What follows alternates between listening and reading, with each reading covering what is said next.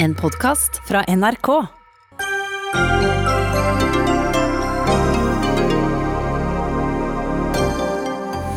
Lege vil at eh, Norge gjør som britene, slanker oss klare til neste smittebølge, og han møter helseministeren til debatt. Tyrkia har vedtatt en ny omstridt lov som skal regulere sosiale medier, og dermed får eh, president Erdogan kontroll på de siste frie plattformene i landet. Orkester føler seg kastet ut av universitetets aula i hovedstaden etter at Universitetet i Oslo avsluttet en 40 år lang samarbeidsavtale. Senterpartiet frykter en kjemperegning for Norge etter EUs vedtak om krisepakke og langtidsbudsjett. Det vitner om manglende forståelse, svarer Europabevegelsen.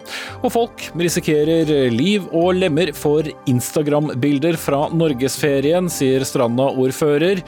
Ofte at de gode bildevinklingene ikke er så skremmende som det først ser ut, svarer Instagram-fotograf.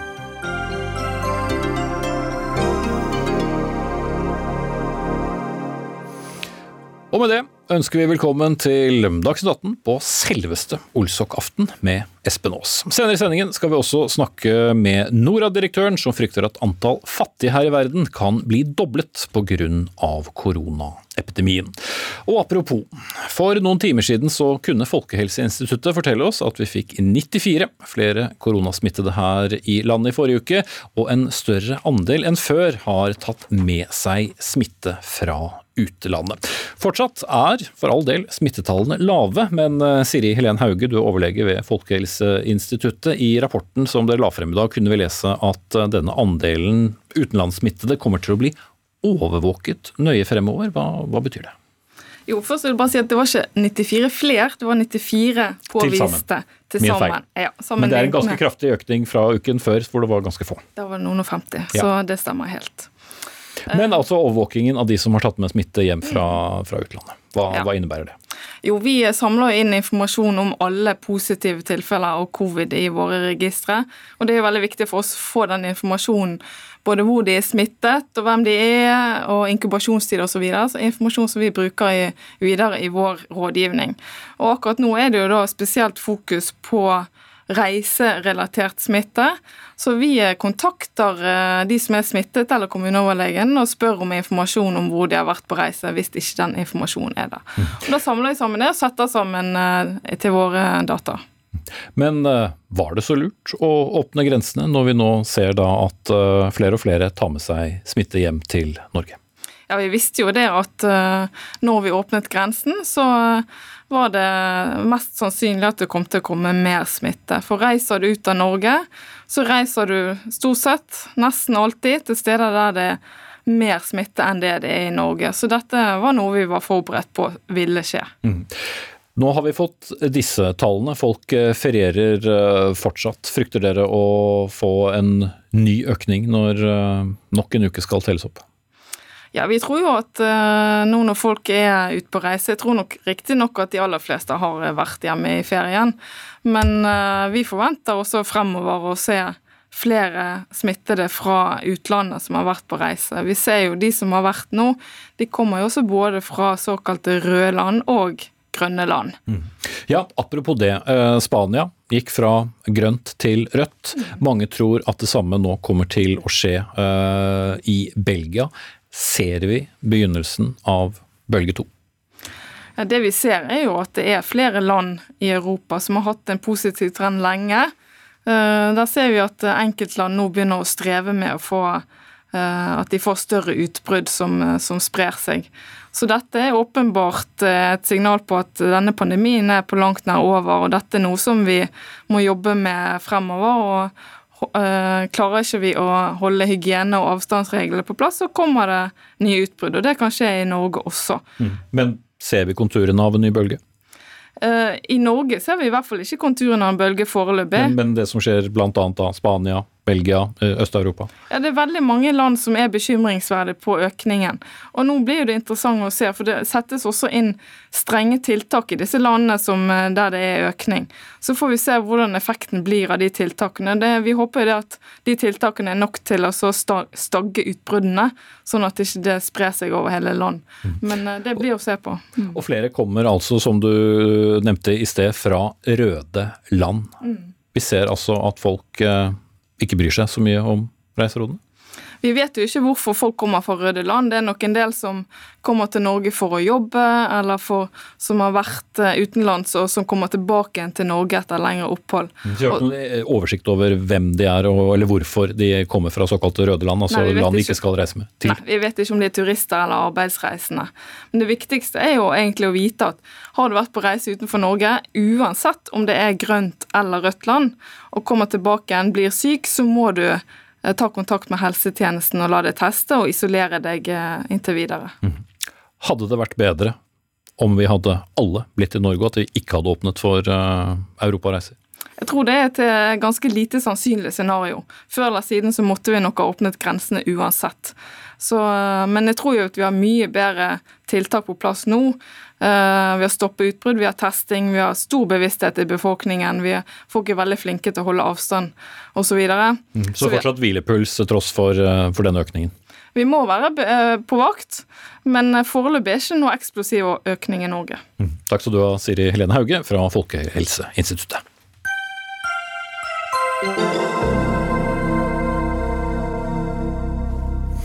Men vi slipper ikke eh, tematikken rundt eh, korona ennå. Hvis vi møter den eh, varslede neste bølgen med koronavirus noen kilo lettere, noen hver, ja, så tåler vi sykdommen langt bedre. Det var jo som kjent bl.a. beskjeden som britenes statsminister Boris Johnson sendte ut til sitt folk for kort tid siden, sammen med en rekke lovforslag som skal gjøre Europas nest tjukkeste folkeslag litt lettere og sunnere. Og lege Mikael Torp, du jobber selv med fedmeproblematikk og ønsker at vi kan gjøre det samme her. Hva burde vi gjøre? Ja, Vi burde jo ansette uh, Boris med en gang, vi. Altså, Jeg tenker som så at dette er en såpass viktig ting at uh, nå, nå, nå virker Boris. Metoden han har, er enkel, den er naiv, den er vakker, den er sjarmerende. Han, han, hiver seg utpå og byr på seg selv. Eh, han kommer sikkert til å få mer velgere også, men han kommer til å påvirke folk. Mm. Ja, for Litt av bakgrunnshistorien for de som ikke husker den, var jo han ble jo selv eh, lagt inn med, med covid-19. Det var kritisk, og han fikk beskjed. En av grunnene var at han rett og slett var tjukk. Ja. Og hvor mye har ekstra kilo å si hvis man f.eks. da skulle få en, eh, en covid-19-diagnose? Virker som det blir viktigere og viktigere. Eh, vi vet at eh, risikoen for å utvikle alvorlig sykdom øker hvis man har tilleggssymptomer som eh, hjerte-kar-lidelse, hvis man har og, og, den listen over ting er veldig preget av livsstilssykdommer. Og hvis overvekt er årsaken til det, så mistenker vi at overvekt i seg selv er kanskje den største risikofaktor. Mm. Men, eh, men hvor, hvor, mye har noen kilo øh, å si? Hvis du legger på deg fem kilo, ti kilo, eller må vi opp i noen titalls øh, ekstra kilo? Det er interessant hva du sier, for at veldig mange blodprøver begynner å rette seg allerede i prosessen av å gå ned i vekt. Så bare du snur vekta di og går riktig vei, så får du en helt annet blodbilde.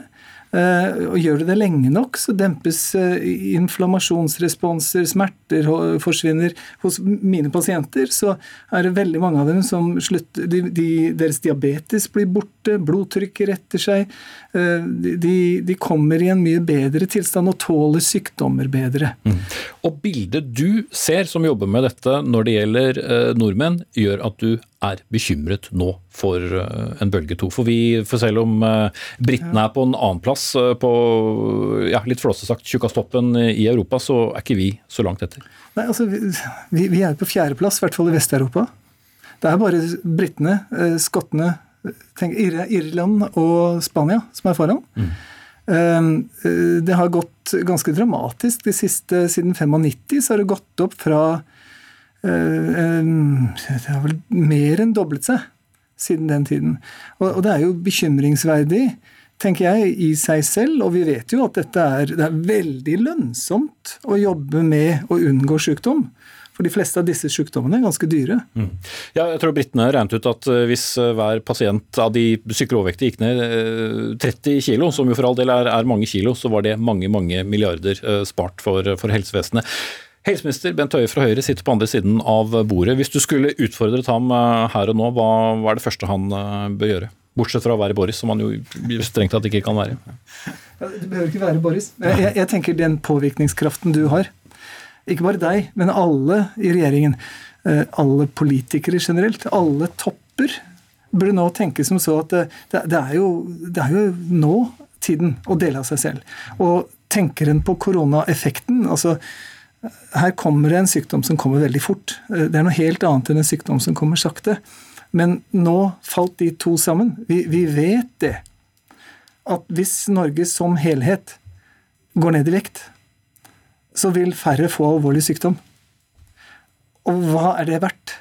Og hvor mye har det kostet for de som vi nå har hatt, som har gått ned i covid-sykdom og dødd? Altså Det var en ganske dyr pris for å redusere de. Og, og jeg tror at nå, nå, er jo liksom tiden til å ha deg stående ved siden av Erna og, og hele rekken stående der og si at vet du, på Karmøy så går det rykter om at det er noen barn som spiser godteri hver dag. Altså, Vi må jo sette inn tiltak. ikke sant? Mm. Men vi vet jo for så vidt uh, dette at uh, det Altså, Vi har jo sett eksempler på folk som er syke, men må du uh, og resten av regjeringen rett og slett bli strengere, Bent Høie, og ikke bare si 'pass på å spise sunnere', som vel er det vi gjør mest av i dag? Ja, jeg har jo òg veldig sans for det som Boris Johnson og britene nå gjør. og jeg, jeg, tror ikke nødvendigvis at vi skal bli strengere, fordi jeg er opptatt av at folk må Eh, ikke at, denne, at, dette ikke blir en ekstra byrde på folk, eh, men at mm. vi skaper en, heller en positiv motivasjon. og Det jeg mener... Mm. Men det har vi vel i dag, og hvis ja, det, det vi stadig blir tjukkere, så Det er det som er så flott med det Boris gjør, med å dele med seg sjøl. Og, eh, det er jo klart at både covid-19 er jo en begrunnelse for å gå ned i vekt, men det er jo sånn at i Norge så er det sånn at om lag 1500 mennesker dør hvert år for tidlig som følge av overvekt. Så det er en veldig viktig grunn generelt til å gjøre noe med problemet. Og jeg er helt enig i din beskrivelse at i Norge så har vi jo gått i feil retning eh, på dette området. og Derfor er det viktig både å motivere den enkelte til å gjøre de små endringene i hverdagen. og Det er jo òg veldig viktig for meg å si at vi har kanskje fra helsemyndighetene tidligere ikke vært flinke nok til å få fram at det er faktisk ikke en stor, radikal endring som skal til, men det er faktisk veldig små endringer i hverdagen for å få en positiv utvikling. Og hvis vi eh, har gjerne tidligere vært for eh, ambisiøse på enkeltmennesket sine vegne, og det har skapt en barriere, men bare det å uh, gå en liten tur i hverdagen, det å være litt mer bevisst på uh, sukkerspising uh, og sånt mm. Men det kan du ha flere vil, vil folk oppleve veldig fort. Oi, at livet deres blir ganske annerledes. Mm.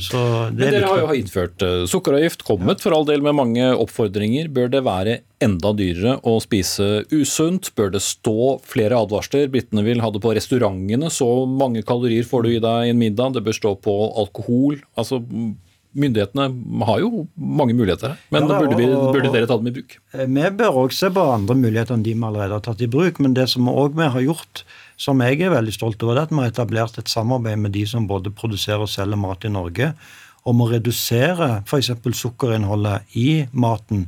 Og Det har jo ført til at uh, tusenvis av tonn av sukker er tatt ut av norsk mat uh, de siste årene. Og det, skjer jo, og det har jo konsekvenser i brødskuffen og i kjøleskapet til hver enkelt av oss.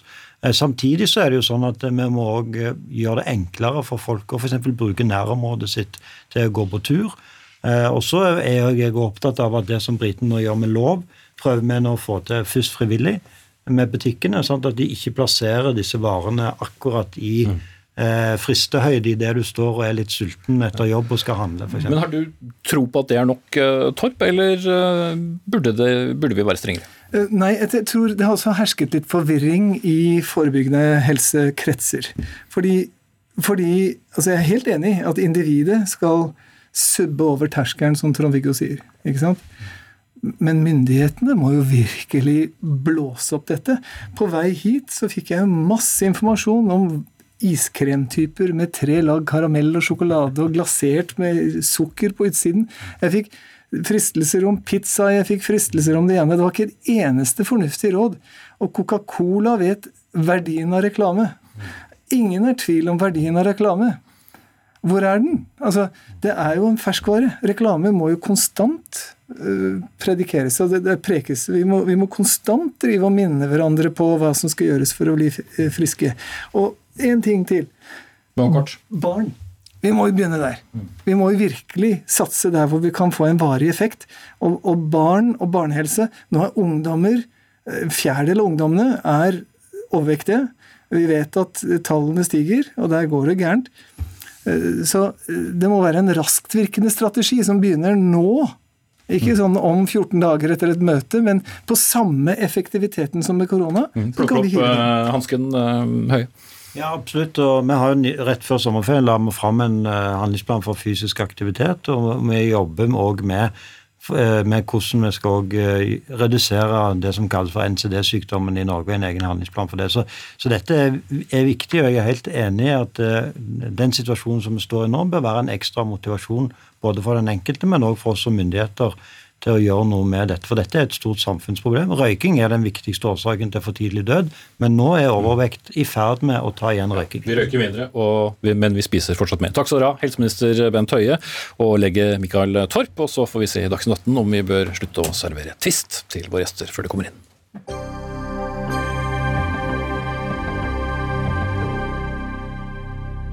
Det ble ikke spart på de store ordene da EU i forrige uke kom til enighet om krisepakke og langtidsbudsjett, etter at verden jo stadig ble truffet av koronakrise. Men vil det også koste EØS-landet Norge noe.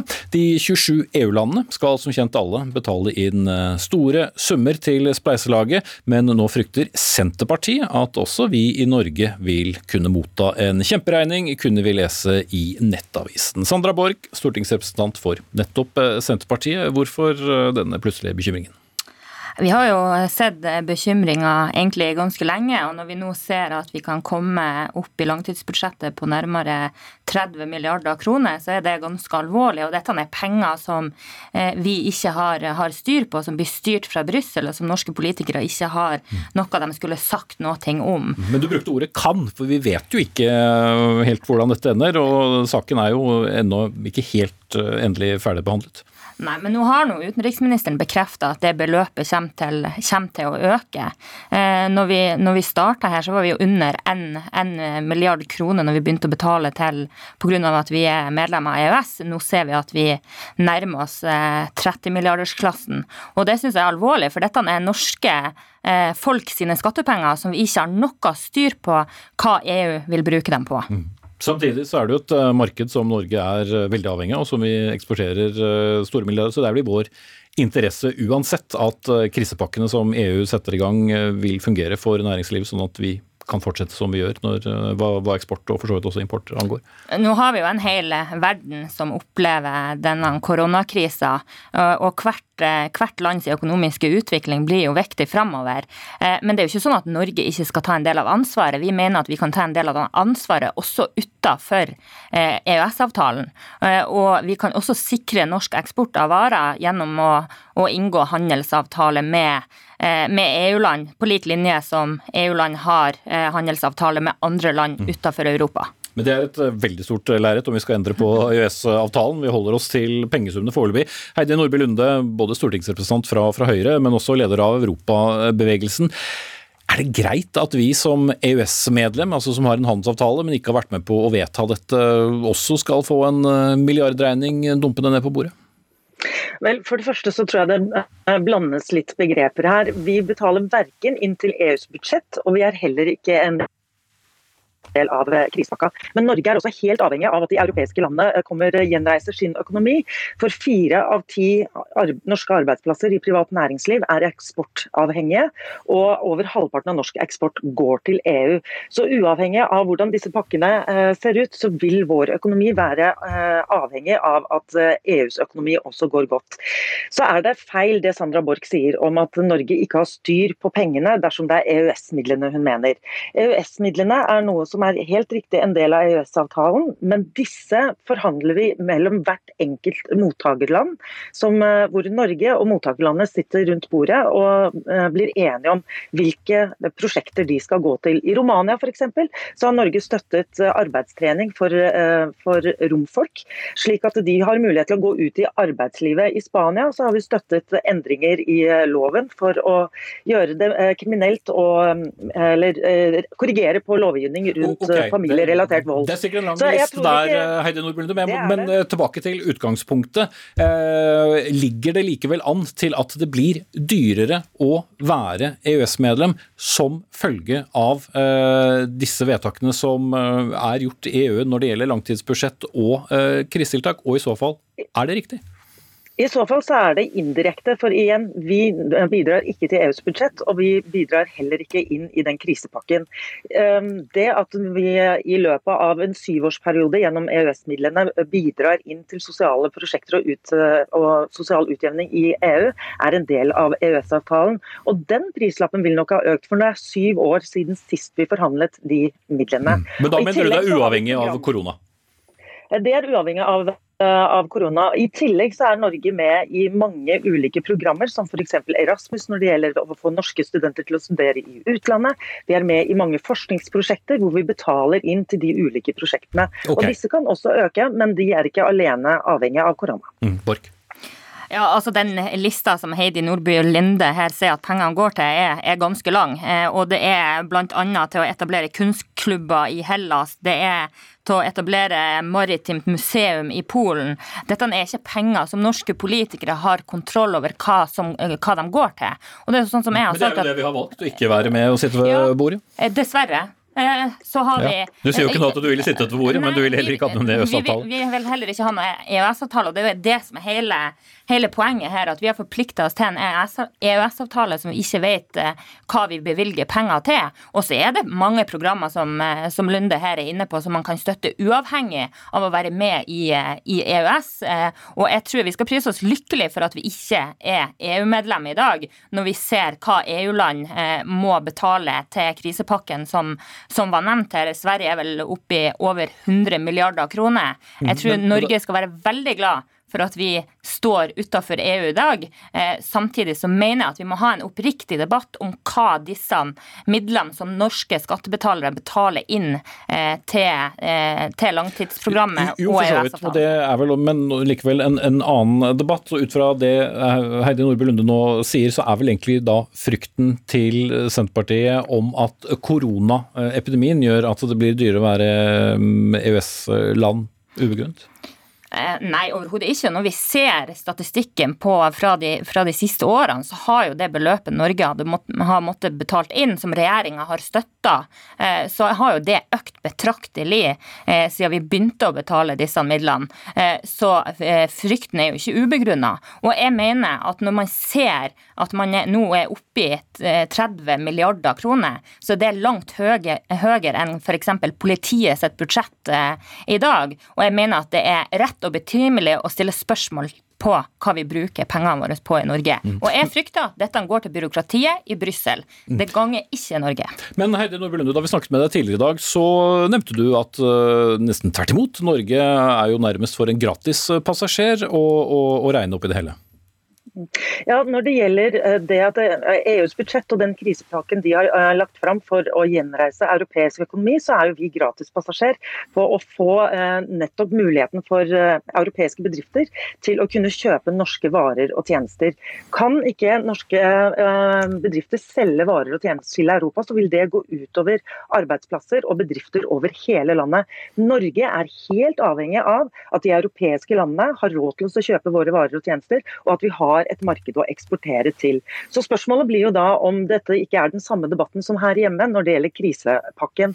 Vi vet at det koster penger å gjenreise økonomien, men det hadde kostet mer å la være. Det lasset er ikke Norge med å dra eh, i EU, nettopp fordi vi ikke er et EU-land.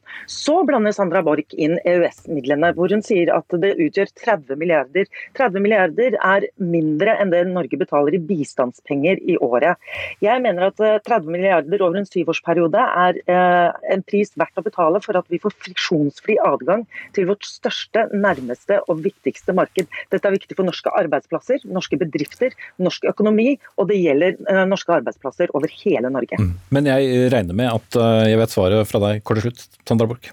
Nei, dette er en debatt vi kommer til, kommer til, å løfte. og jeg mener at Det norske folk har krav på å vite hva pengene deres blir brukt på. og Når man ser at det går til, til å etablere enten det er kunstklubber i Hellas eller Maritimt museum i Polen, så, så vitner jo det om at vi ikke har helt kontroll over hva eh, pengene vi eh, betaler inn eh, gjennom EØS og langtidsprogrammet blir brukt til.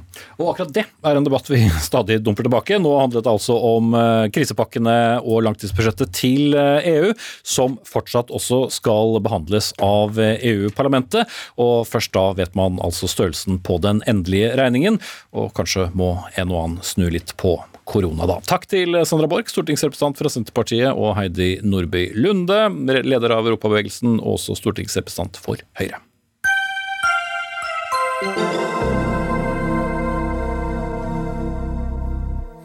Mot eh, slutten av sendingen skal vi snakke om eh, de mange tilsynelatende halsbrekkende feriebildene som folk deler fra fjelltopper, fosser og utspring. Ordføreren i Stranda kommune mener folk setter liv og helse på spill for nettopp å få de kuleste bildene på Instagram, men er det så skummelt som det ser ut til? Det er eh, innenrikspolitiske ting. Nå skal vi utenriks, vi. For uh, i morges så kom nyheten om at uh, Tyrkias siste plattformer for ytringer og debatt i dag ble lagt under myndighetenes kontroll. Twitter, Facebook, YouTube, ja til og med Netflix kan nå ende opp med å bli kontrollert av tyrkiske domstoler. Sissel Wold, vår korrespondent med base til vanlig i Istanbul. Hva er det egentlig for slags lov som er blitt vedtatt i, i Tyrkia? Ja, Dette er en lov som bestemmer at uh, disse store medieselskapene som du nevnte, uh, må ha kontorer i Tyrkia. Og de må ha serverne sine i Tyrkia, basene sine. Og de må også ha en sjef, en uh, lokal sjef som er tyrkisk statsborger, som er ansvarlig for hva som legges ut på Twitter og på Facebook og Eh, kanskje til og med WhatsApp eh, og YouTube, eh, slik at tyrkere ikke skal måtte se umoralsk eller støtende innhold, som det heter. Og regjeringen skal da kunne klage til denne stedlige sjefen og kreve at han fjerner det innholdet. Dette har jo store konsekvenser. Denne loven skal tre i kraft 1.10. Og hvis eh, folk da legger ut støtende innhold, og disse store eh, sosiale medieselskapene og internettselskapene ikke følger det myndighetene vil, så venter det bøter. Og de har satt kraftig opp. Bøtene er nå mellom 1,5 og 15 millioner kroner. Hva da med ytringsfriheten, og hvordan skal man bestemme hva som er et støtende innhold som er ytret på Facebook, Twitter eller andre steder? Dette er jo det store spørsmålet, hvem som skal bestemme hva som er eh, krenkende og støtende. Og jeg ser nå i dag så er det et nettsted som heter Dokus8. Et eh, fritt medium som deler veldig mye på Twitter og på nettsiden sin. Eh, de er blokkert i dag. Og det store problemet med Twitter spesielt er at de fleste tyrkere som da ikke lenger leser den vanlige Eh, avis, altså aviser eller TV-kanaler, fordi 90-95% er eh, styrt av Erdogan og hans støttespillere. De får nyhetene sine fra Twitter, og de er fortvilet og sier hvor skal vi få nyhetene våre fra nå?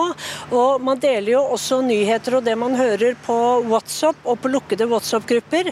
Eh, og en annen veldig viktig funksjon Twitter har hatt i det siste, er at der deler man frykten og raseriet sitt over Eh, alle kvinnene som drepes av kjærester, av ektemenn, av ekskjærester.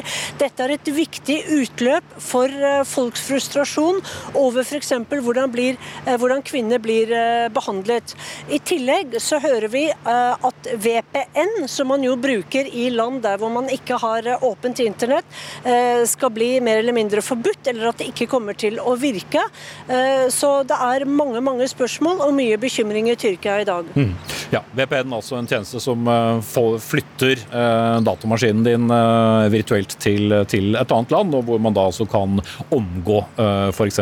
slik lovgivning.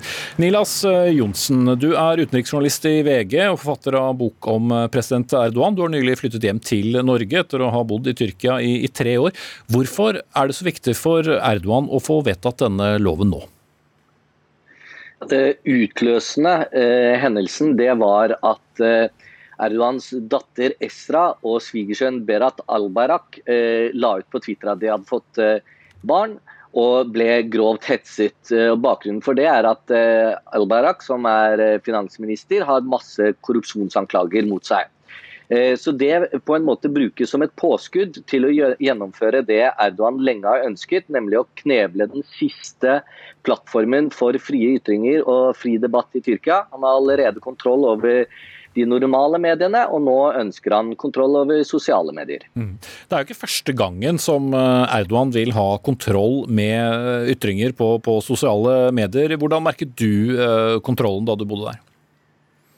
Man merket det på veldig mange ulike måter. Det første var at eh, Hvis det hadde skjedd noe veldig kritisk, så ville man eh, oppleve at eh, Twitter f.eks. begynte å gå veldig sakte. Og Da kunne det være et tegn på at de forsinket Twitter, for det hadde skjedd noe som man ikke ville at skulle diskuteres. Terrorangrep, en politisk hendelse. Men det var også tusenvis av eh, mennesker som ble tiltalt for presidentfornærmelser gjennom eh, Twitter. Og det eh, kunne være latterlige ting som at noen hadde delt et bilde som sammenlignet Erdogan med Gollum fra 'Ringenes herre'. Men det kunne også være alvorlige ting, som at folk hadde tatt til Twitter for å uttrykke et ønske om fred eh, når eh, det pågikk krigsaksjoner i kurdiske områder f.eks. Og det førte til at medlemmer i styret til den tyrkiske legeforeningen eh, ble arrestert på et tidspunkt for ytringer de hadde kommet med på Twitter. Mm. Så nå ønsker man da å få legge totalt lokk på det. Sissel Wold, eh, presidentens eh, talsperson Ibrahim Kalin sier at eh, denne loven ikke skal føre til sensur, men hvordan skal man forstå en, en slik uttalelse ut fra det vi nettopp har snakket om? Ja, Det spørs jo hva man mener med sensur. Og det er klart at for alle dem som ikke stemmer på Erdogan, som ikke tror på eh, pressen i Tyrkia i dag, som er eh, styrt av regjeringen, så er jo dette sensur. fordi at de kommer jo ikke til på de plattformene de har hatt eh, som ytringer nå. Og det er en, en ekspert, en professor på ytringsfrihet i Tyrkia, som har sett nærmere på loven, og han sier at dette også kan gjelde nettsteder med nyheter på tyrkisk, tyrkisk og på engelsk, for det er jo flere alternative nettsteder som Bianet og andre. Og du nevnte vel kanskje Netflix. Altså Netflix er også noe Erdogan har hisset seg oppover. Han mener at dette er umoralsk, og at dette er ting som ikke passer for det tyrkiske folk.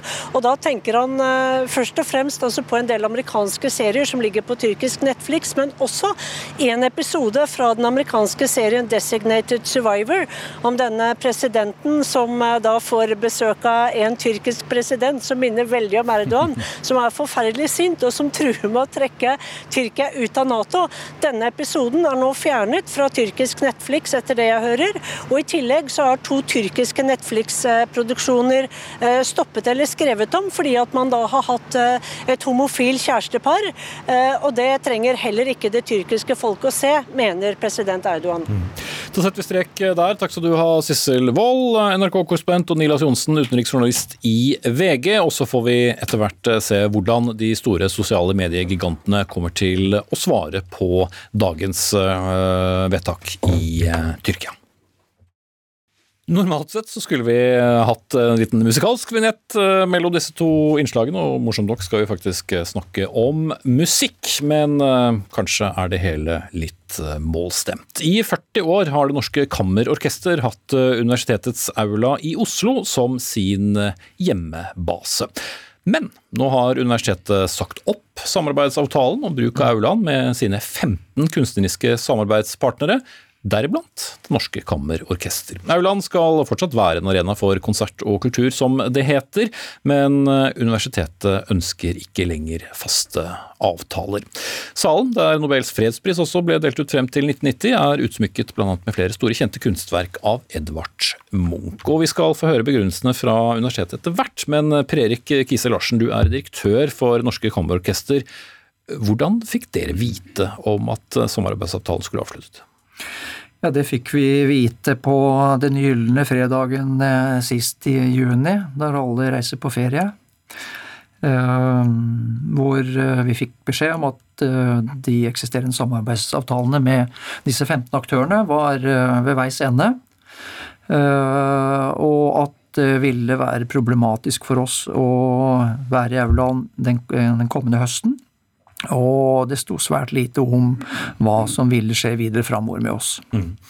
Og praktisk eh, for dere med å få en sånn eh, beskjed i en tid hvor jo det å ha konserter også for så vidt eh, ikke har vært så lett, hva, hva betyr det?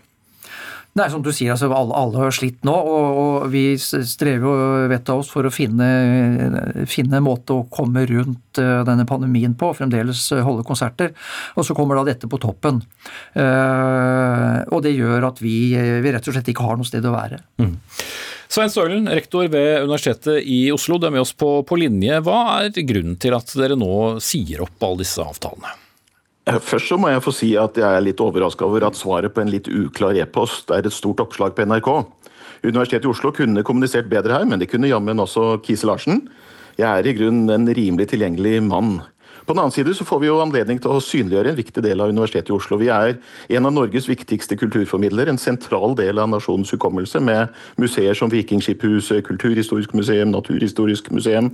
Vi har store kunstsamlinger, og vi har selv et eget symfoniorkester med Stig Nilsson som konsertmester, okay. verdens beste kvinnekor osv. Så, men, men... så når vi har i denne situasjonen her en eh, liten utfordring under kommunikasjonen, så handler det om at vi ønsker å gjøre dette samarbeidet på en litt annen måte enn vi har gjort tidligere. Ja, det, det var jo egentlig det som var mitt opprinnelige spørsmål. For hvorfor mm. sier dere dette opp, og, og hvorfor trenger ikke Kisse Larsen og andre være så bekymret?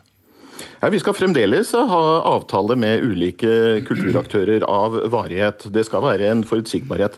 Men det kommer ikke lenger til å være en automatikk for noen få utvalgte. Vi kommer til å gjøre dette mer fleksibelt ved at avtalene ikke løper automatisk, uavhengig av frekvensen i arrangementene fra de ulike arrangørene. Ved at flere får mulighetene, for det er sant å si en del Ehm, aktører som har stilt spørsmål ved hvorfor noen får særordninger og ikke andre. Eh, det vi kommer til å satse på, det er en mer forpliktelse ved at avtalene er mer konkrete og ikke bare knytter seg til tidsrom. Og så tror jeg at mange av samarbeidspartnerne våre, inkludert Kise Larsen, ikke trenger å bekymre seg så mye, og at vi til sammen kommer til å få et bedre tilbud for eh, våre, våre, våre kulturinteresserte i mm. Oslo. Ikke bekymre seg så mye, men kanskje bekymre seg litt, eller er du helt eh, rolig nå, Kisse Larsen, ut fra hva du hørte universitetsrektoren si? Nei, altså vi, vi, har forsøkt å kommunisere med Auland gjennom svært mange år. Vi, og vi har gang på gang kommet med forslag på hvordan Auland kan profesjonalisere sin drift eh, som konsertarena. Og vi har hver gang Eh, fått til svar at det ønsker vi også. Det store problemet var at det, det skjer ikke noe. Men nå skjedde det noe? Nå skjedde, ja, det, Jeg hører at Svein Stølen inviterer til samarbeid. Eh, et samarbeid som vi har blitt invitert til før. Nå håper jeg bare at de klarer å gjøre ord om til handling, sånn at vi faktisk kan komme fram til det som Stølen faktisk sier, altså flere aktører. Vi har etterlyst flere aktører i Aurland, vi. Vi har lyst til at Aurland skal være et sentrum i norsk musikkliv gjennom høy aktivitet. Også det er ikke vi som stopper at andre skal komme inn, men vi trenger forutsigbare rammer. Vi kan ikke hoppe over konsertene våre et halvår eller et år, for så å starte på igjen. Vi driver en planlegging som går minimum to år fram i tid, og har ikke vi forutsigbarhet på arenaene som vi er på, så kan vi ikke være der. Mm. Eh, Stølen, når du sier at flere skal få adgang til denne Auland, betyr det at noen av de som er der i dag får mindre adgang? Nei, Det betyr at noen av de aktørene vi har avtale med i dag, ikke bruker Aurland så mye som vi hadde håpet de skulle gjøre. Sånn at det er et uh, mulighetsrom her som vi skal utnytte bedre. Mm. Så tror jeg det er viktig også å understreke at Aurland er faktisk en del av Universitetets Oslos uh, hva skal vi si, aktivitet i daglig også. Uh, du nevnte jo selv Nobels fredspris. Vi har Peace Prize Forum her. Al Gore var hovedtaler i 2018. Vi bruker dette til foredrag, seremonier, prisutdelinger, diskusjonsmøter. Så dette er ikke utelukkende en konsertsal. Dette er en viktig del av av hva et universitet er, og hvordan vi hva skal vi si, er en viktig aktør i samfunnsdebatten i Norge. Det er også en bruk av Ta inn en uh, tredjeperson uh, i, i, diskusjonen her. og uh, Selv om sikkert ikke flertallet av norske folk har vært i denne aulaen, som jo er en av de store feststuene i, i, landet, så har nok sikkert mange i hvert fall sett den på, på fjernsyn. Og Arve Tellefsen, du er jo Norges mest kjente fiolinist og har spilt i den aulaen en, en rekke ganger. Hvorfor er denne aulaen så viktig for særlig musikere? Ja, når jeg var ung, og det er jo ikke så lenge siden, da, så da var jo alle musikere skulle debutere i aulaen. Eh, hvis du ikke hadde debutert i aulaen, så var du ikke med i norsk musikkliv, liksom. Og det er jo en fantastisk sal med en akustikk som savner sidestykke. Og så har du i tillegg da Edvard Munch, selvfølgelig. Og um, jeg har jo spilt der også sammen med internasjonale storheter og sånt. og og de er jo like begeistra. Jeg har en liten historie, hvis det er ett minutt uh, Ja, Som om eller Rikard Strauss, har jeg hørt. Richard eh, Strauss, ja. ja. Den store operakomponisten kom til Oslo og skulle spille i Ørland. Og så var han jo dritsur, da, fordi at uh, ingen av operaene hans var blitt oppført i Norge. Og det har sin naturlige forklaring at Norge hadde jo ikke noe opera på den gangen. Det er i 1917, da, like etter at Munch var ferdig med bildene sine. Og så sur, og så kommer han inn i Jævland, og så blir han altså helt målløs. Så sier han Mein Gott, welche bilder? Altså, sa han for han Fra at han anså Norge som en utkant eh, kulturelt, så var plutselig Oslo og Norge en kulturell storhet. Han kom inn i salen og spilte der, og traff Edvard Munch, og de spiste, spiste lunsj sammen. Og mm, Aulaen er så viktig, har vært hele tida, for eh, norsk musikkliv. Eh, Filharmonien har jo vokst ut av en De for, ble for mange til slutt, dem da. Så den eget uh, konserthus, ja. Men altså, den er så viktig at det, jeg vil si at hvis musikken blir holdt ute fra Aurland, det er det samme som å holde landskamper og cupfinalen borte fra Ullevål stadion. altså. Mm. Det blir vel ikke så dramatisk, eh, Svein Stølen, men eh, jeg tror fortsatt eh, både Tellefsen og, og, og Kammerorkesteret trenger en liten beroligelse fra deg. Hvorfor kom forresten dette helt til slutten av, av juni?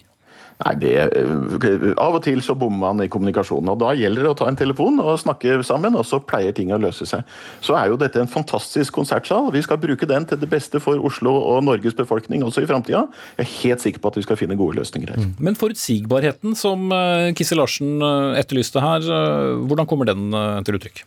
Den må vi få til ved at vi går inn i dialog rundt de enkelte avtalene. og Det betyr også at vi kommer til å ha en forutsigbarhet på hva slags program som skal eh, arrangeres. Mm. Vi skal se en helhet i den uh, aulaen som gjør at det blir en enda bedre konsertsal for Norge. Og, og, og, når begynner da denne forutsigbarheten som du snakker om?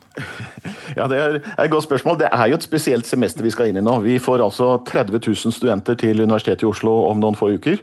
Det er en, en, et semester hvor det er nå 20 konserter som er planlagt i Aurland på høsten. 15 har trukket seg pga. koronasituasjonen, som jo gjør at det er færre tilskuere mulig å ha i Auland. Eh, I akkurat denne situasjonen så eh, kommer vi til å prioritere studenter, men jeg er helt sikker på at vi også skal klare å opprettholde en god konsertvirksomhet på kveldene. Eh, dialogen starter vi med så fort vi kan når, når ferien er over. Det kan jeg love. Den har vel for så vidt startet her, Kisse Larsen. Og jeg ser på ansiktsuttrykkene dine at du er ikke, du er ikke helt Føler ikke forutsigbarheten sitter helt ennå. Så, så hva, er det, hva, er det, dere trenger å, å vite? Altså, vi, vi, trenger det vi egentlig har etterlyst for universitetet lenge, og som vi faktisk har vært i, i, god dialog med universitetet om. Og vi har lagt fram forslag til hvordan Universitetet aula kan drives mer profesjonelt som en arena. Det sitter, ligger i en skuffe oppe, oppe, i Lucy Smiths hus, og der ta fram den, så tror jeg vi fint skal komme fram til eh, en drift som gagner alle. Mm. Både studenter og musikere skal uh, få den plassen de trenger? All del studenter også. Det er jo derfor vi har lyst til å være her, Mm. Hva sier du, uh, Arve Tellesen, hvor altså, dette er jo ett av flere steder uansett i, i, Norge man spiller. Det er mange fine konserthus og, og, steder, og man skal jo reise landet rundt. Er den, er den så viktig? Ja, det er jo det. Eh, ikke minst pga. Edvard Munch sine bilder så er den salen helt unik, i, ikke bare i Norge, men i verden. Mm. Til slutt, eh, Svein eh, Stølen, du tok jo selvkritikk innledningsvis. Sett i lys av samtalen vi nå har hatt, hva burde dere ha gjort? Jeg ser alltid framover. Dette er en fantastisk sal. Det er eh, en stor ære å få lov til å disponere den på vegne av hele nasjonen. Universitetet i Oslo er et godt universitet. Vi skal utnytte den godt også i framtiden. Universitetet i Oslo er en viktig kulturaktør. Det skal vi også være i framtiden. Mm. Litt, eh, litt sure toner mellom dere nå, men vi får se hvordan eh, forutsigbarheten da til slutt blir. Takk til Per Erik Kisse Larsen, direktør i Norske Kammerorkester, fiolinist Arve Tellefsen og Svein Stølen, rektor ved Universitetet i Oslo. Hør Dagsnytt 18 når du vil. Radio NRK Radio.nrk.no.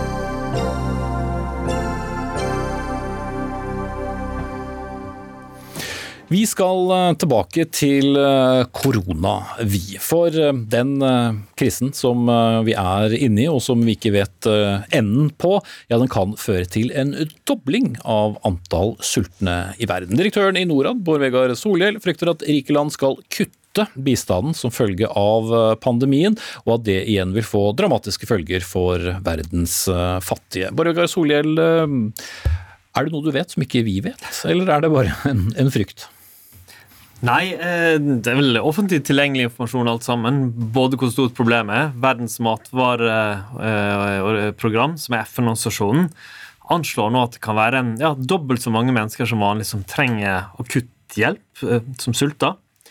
Eh, Verdensbanken og andre ser mange hundre millioner nye ekstremt fattige det er mennesker som lever på under 20 kroner dagen, som veldig sannsynlig. Mm. Og Det heter egentlig tiår med framgang, der jeg og andre har snakka med optimisme om hvordan vi ser eh, at det går framover. En annen ting, barn som kommer ut av skolen. Eh, etter mange års framgang, flere barn som får skolegang så ser en nå det motsatte, og da er det mange som blir gifta bort, eller eh, det er barnearbeid. Mm. Ja, men mange ting på en gang, men bare for å gå tilbake til utgangspunktet. Mm. Eh, altså, Frykten din er ja. da begrunnet i at øh, det vil bli kuttet da i mange bistandsbudsjetter ja. fordi det er dyre krisepakker. Vi har jo snakket om EUs krisepakke tidligere, og landene må, må bidra der. Og at veldig mange økonomier mm. fremover er øh, langt strammere, og at det blir hardere prioriteringer som du da frykter vil gå utover de fattigste landene? Ja, for det, altså, selv om Norge og Sverige og mange land har opprettholdt sin bistand, så kom nyheten for en ukes tid siden om at Storbritannia kutta ganske kraftig, nesten ett norsk bistandsbudsjett i sin bistand. USA kutta stort til Verdens helseorganisasjon, og i EU røykte litt penger til den store krisepakka til Europa sjøl.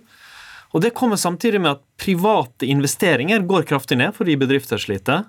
En inntektskilde som er viktig i mange fattige land, er jo at migranter sender penger tilbake igjen. Det har gått ned fordi de har mindre penger. Uh, og Hvis vi ser på, tilbake på forrige store krise, finanskrisa, så klarte vi å opprettholde bistanden på omtrent samme nivå. Det var veldig viktig for mange fattige land for å komme gjennom den. Nå vokser problemet enormt. Da er det viktig at rike land uh, klarer å svare på det og, og både støtte opp om deres håndtering av av viruset, men òg den gjen, økonomiske gjenoppbygginga som må til. Mm. Uten å ta den store debatten om hvorvidt bistand virker eller ikke, men likevel er det det du sier at det faktisk må eh, gis langt større beløp da i bistand enn nå? Er det ikke da en fare for at vi vil gjøre noen av verdens fattigste land enda mer pengeavhengig av rike land? Altså, det er gode spørsmål. La meg si det, Politikerne som bestemmer nivået, vi i Norad skal sette det ut i liv og bruke det best mulig uansett hva det er. Eh, men det vi har en rolle i å påpeke behovet. Og det vi nå ser helt entydig, er at det er større og mer akutt enn på lenge.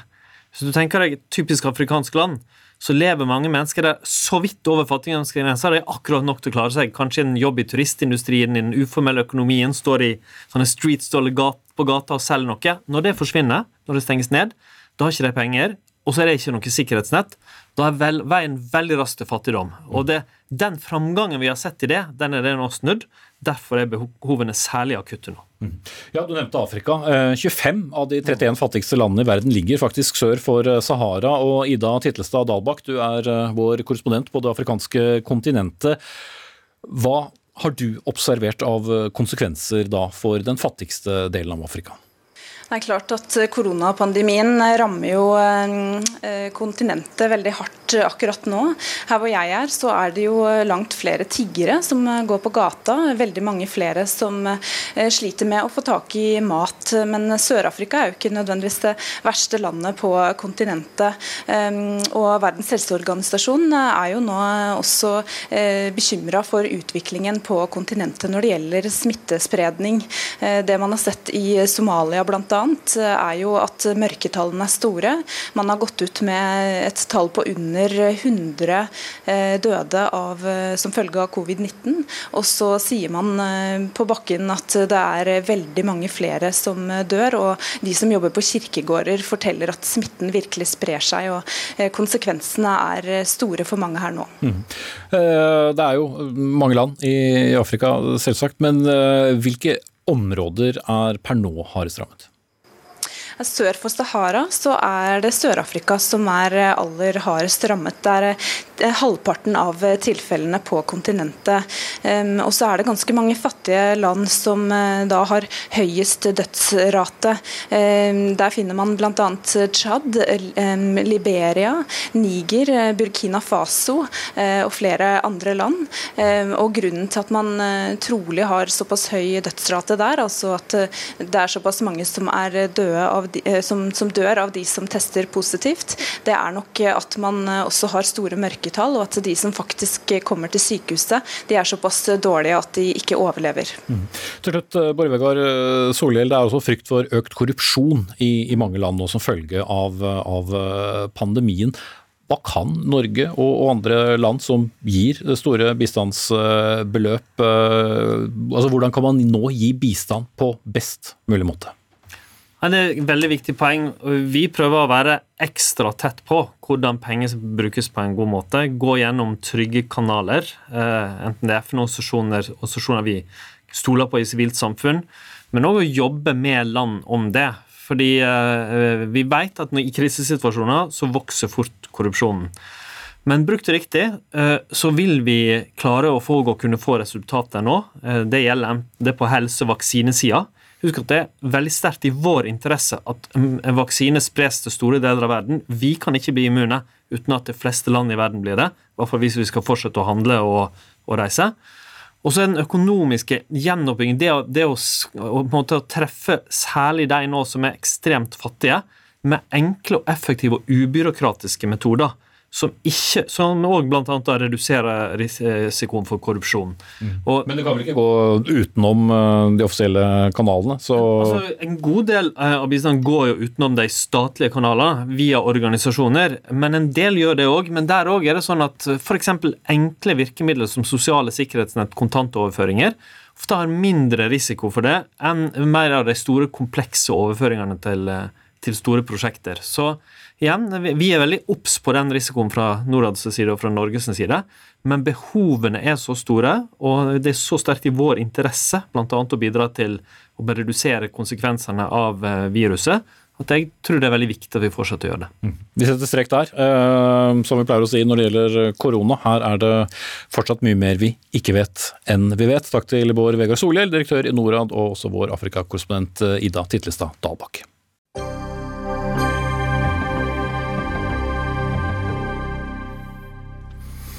Har man beveget seg i nærheten av et eh, sosialt eh, medium, så har eh, man iallfall oppdaget én ting, nemlig at omtrent hele Norge er på norgesferie. På den høyeste topp og i den dypeste dal. For det dokumenteres i stor stil på sosiale medier. Det er fjelltopper, utsiktspunkter, elver, huler og fjellutspring. Ja, og akkurat nå er det faktisk 184 1000 bilder med emneknaggen Trolltunga, 1,2 millioner på emneknaggen Lofoten og 173 000 på Geiranger. Realiteten er sikkert enda litt uh, høyere, da ikke alle legger emneknagger på sine bilder. Men uansett, Jan Ove Tryggestad, ordfører i Stranda kommune. Vi kunne lese i VG i dag at du sier det er helt idiotisk at folk risikerer liv og helse for å få det aller flotteste bildet. Hva konkret er det du har uh, fått nok av? Nei, Det er jo først og fremst det faktum at i sommer så har vi opplevd at folk tar naturen i bruk i en langt større utstrekning enn tidligere. Eh, Medaljens bakside er at en del av de som eh, bruker naturen, er mest opptatt av eh, å skape de mest ekstreme bildene, og gjerne fra utgangspunkt som er veldig tett befolka. I Stranda kommune så har vi Geiranger og Fridalshuet som et veldig populært utsiktspunkt. Det er godt sikra fordi at vi har tatt sikkerheten på alvor. Men i dette området så ser vi også at folk eh, går over sperringa og beveger seg ut på kanten av stupet for å få de mest spektakulære bildene. Og det, det, er på mange måter et overgrep mot naturen og en total mangel på respekt, slik jeg vurderer det. Mm. Ingrid André Harrison, du er flittig bruker av naturen, vært på mange turer rundt omkring i vårt eh, ganske land. og dokumentert det hele på Instagram. Har vi bl.a. Eh, kunnet se på dette bildet som TV-seerne våre får se nå. Det ser i overkant eh, vågalt eh, ut. Altså henger eh, over en dyp, dyp dal med en, med en sjø under. Men er det ikke så farlig, det dere gjør? Jeg er enig i at det bildet der kan, at det kan se veldig skummelt ut, men i realiteten så er det faktisk bare å strekke ut beina, og så står man på bar bakke. Så her er det altså leking med kameravinkler heller enn med livet som gjelder. Mm. Men eh, det er det ikke alle som vet. Eh, og så kan eh, andre være på tur hvor det slettes ikke er noen fjellhylle under. Har man ikke et slags ansvar om ikke å hva skal vi si, sette i gang en, en slags spiral hvor bildene blir nettopp mer og mer vågale? Jo, det har man jo helt klart. Men selv min egen, på min egen Instagram-kanal så forsøker jeg jo heller Sånn som på det bildet der, så har jeg forklart med tekst hvordan det bildet er satt sammen. Slik at folk forstår at her har vi faktisk ikke bare vandra rett ut på hylla og hengt bare for å få et bilde. Mm. Hvorfor kunne du ikke hatt med den hylla under på bildet? Uh, nei, det er jo det, da. Det er jo det klassiske Ryten-bildet som alle gjerne ønsker seg når man er uh, oppå der. Eh, men jeg kunne jo helt klart ha lagt det med ved siden av, bare for å bevise det jeg skriver til. Mm. Men jeg har fått inntrykk av at det er mange som har fått med seg det jeg har beskrevet. Uh, ja, Jan Ove Tryggestad, kanskje det ikke er så skummelt som uh, det ser ut som? Nei, i dette konkrete tilfellet så, så, kan det være rett og riktig at det ikke er så skummelt. Men problemstillinga er at en del av de som ser det, skal gjerne kopiere, for ikke å si overgå den type bilde. bilder. Og det er ikke alle som ferdes i naturen i dag som har grunnleggende kunnskap om de farer som naturen representerer. Det har vi brukt eh, århundrer å utvikle, eh, vi som bor ute i distriktet og har naturen inn på kroppen. Nå opplever vi faktisk en omgang med naturen som før eller senere vil føre til fatale Eh, ulykke og med døden til følge. Dessverre. Og det, det, er bare et spørsmål om tid, slik som det utvikler seg nå. Mm. Hva slags ansvar har dere som er politiske ledere i kommuner som får et høyt antall besøkende? Først og fremst gjennom informasjon og skilting. og Det har vi prøvd å gjort en del av i, i Stranda. Det er ikke nok, men vi gjør en del av det. Og så har jeg valgt å gå ut i media denne sommeren med et budskap som kanskje ikke er så veldig populært, nemlig å stille kritiske spørsmål til bruken av naturen på denne måten. Og det, det er kanskje en belastning som ikke jeg får betaling for, men jeg velger å gjøre det fordi jeg tror det er viktigere å snakke opp verdien av, av helse og menneskeliv i den eh, sammenhengen her, mer enn eh, Instagram-bilde og likes på Facebook. Mm. Ja, Harrison, eh, hvor viktig er nettopp disse bildene som en del av den totale opplevelsen? Det er jo et veldig individuelt spørsmål, men uh, For deg? For min e hm? Ja, for deg. Nei, for min egen del så går ikke jeg ut av komfortsonen min bare for å få et kult bilde for Instagram. Og det tror jeg det er svært få som gjør. Det var flere på toppen samtidig som oss på Ryten der, um, som valgte å ikke forsøke engang å prøve å henge derfra. Uh, og Det bildet som kommer opp nå, som er fra Prekestolen, det er også ganske klassisk. Men der ser du, jeg turte f.eks. ikke å gå på kanten, så jeg sitter med rumpa godt innpå. Og jeg krabba ut okay. for å få bedre kontroll og balanse. Mm. Pass på, ellers så kan Instagram-bildet Instagram altså bli det siste du gjør. Eh, takk til Lian Ove Tryggestad og Ingrid André Halsand. Denne sendingen er over. Dag Dørum eh, var ansvarlig for den. Eli Kyrkjebø tok seg av det tekniske. Jeg heter Espen Aas. Vi er på plass på samme sted i morgen.